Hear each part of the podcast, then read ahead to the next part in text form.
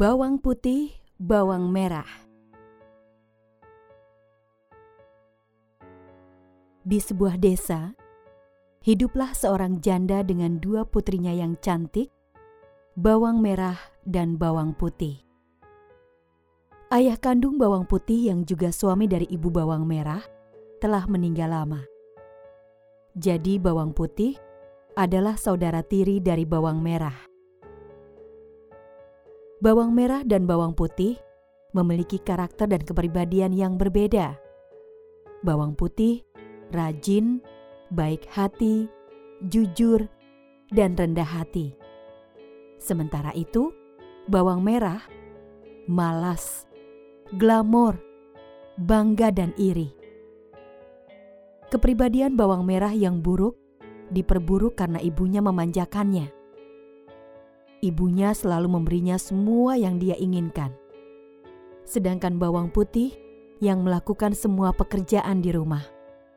Mencuci, memasak, membersihkan rumah, dan semua pekerjaan dilakukannya sendiri. Sementara itu, bawang merah dan ibunya hanya menghabiskan waktu untuk diri mereka sendiri karena ketika mereka membutuhkan sesuatu, mereka bisa meminta bawang putih. Bawang putih tidak pernah mengeluh nasib buruk yang harus dia hadapi.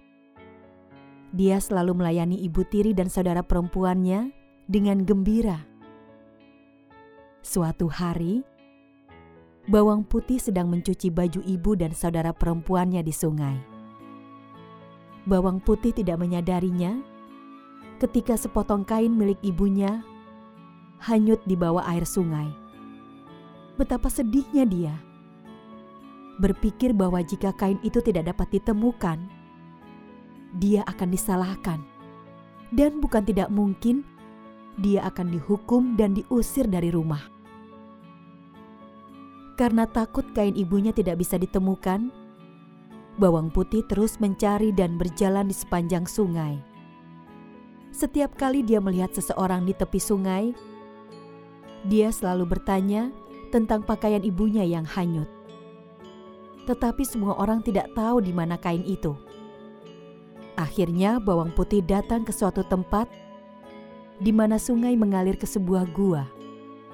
Anehnya, ada seorang wanita yang sangat tua di dalam gua.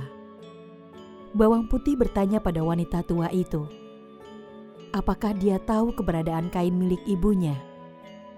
Wanita itu tahu di mana kain itu, tetapi dia memberi syarat sebelum menyerahkannya ke bawang putih. Syaratnya adalah dia harus bekerja membantu wanita tua itu. Bawang putih terbiasa bekerja keras, sehingga pekerjaannya menyenangkan wanita tua itu. Saat itu, sore hari, dan bawang putih sedang mengucapkan selamat tinggal kepada wanita tua itu. Wanita tua itu menyerahkan kain ibunya pada bawang putih. Karena kebaikannya, wanita tua itu menawarkannya hadiah labu. Ada dua di antaranya. Yang satu lebih besar dari yang lain. Bawang putih diminta untuk memilih hadiah yang diinginkannya. Karena bawang putih tidak serakah, maka dia memilih yang lebih kecil. Setelah itu, bawang putih kembali ke rumah. Ibu tirinya dan bawang merah sangat marah karena bawang putih terlambat pulang. Bawang putih pun menceritakan apa yang terjadi. Ibu tirinya masih marah karena bawang putih terlambat dan hanya membawa satu labu kecil. Jadi ibunya membanting labu itu ke tanah. Dan labunya pecah. Tapi aneh, Ternyata di labu ada perhiasan emas yang indah dan berkilauan. Ibu tirinya dan bawang merah sangat terkejut. Mereka akan menjadi sangat kaya dengan perhiasan yang begitu banyak. Tapi mereka serakah.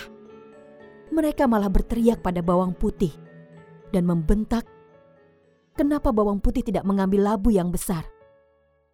Dalam pikiran bawang merah dan ibunya, jika labu yang lebih besar diambil, mereka pasti mendapatkan lebih banyak perhiasan. Untuk memenuhi keserakahan mereka, Bawang merah mengikuti langkah-langkah yang diceritakan oleh bawang putih. Dia rela menghanyutkan kain ibunya, berjalan di sepanjang sungai, bertanya pada orang-orang, dan akhirnya datang ke gua tempat wanita tua itu tinggal. Namun, tidak seperti bawang putih.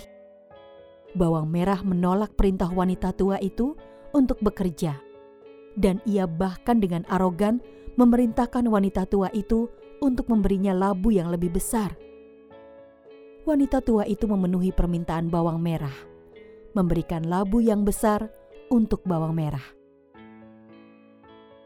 Bawang merah dengan senang hati membawa labu yang diberikan wanita tua itu, sambil membayangkan berapa banyak perhiasan yang akan ia dapatkan. Sesampainya ia di rumah, sang ibu menyambut putri kesayangannya. Tidak lama setelah itu, labunya dihancurkan ke tanah. Tetapi alih-alih perhiasan, berbagai ular berbisa yang menakutkan keluar dari dalam labu. Bawang merah dan ibunya akhirnya menyadari apa yang telah mereka lakukan selama ini adalah salah dan meminta bawang putih untuk memaafkan mereka. Nah, Pesan moral dari dongeng cerita bawang putih bawang merah tadi, jadilah anak yang rajin, maka orang lain akan menyukaimu. Selain itu, ingatlah, sifat serakah tidak akan membuatmu bahagia, bahkan akan membawa kesusahan di masa yang akan datang.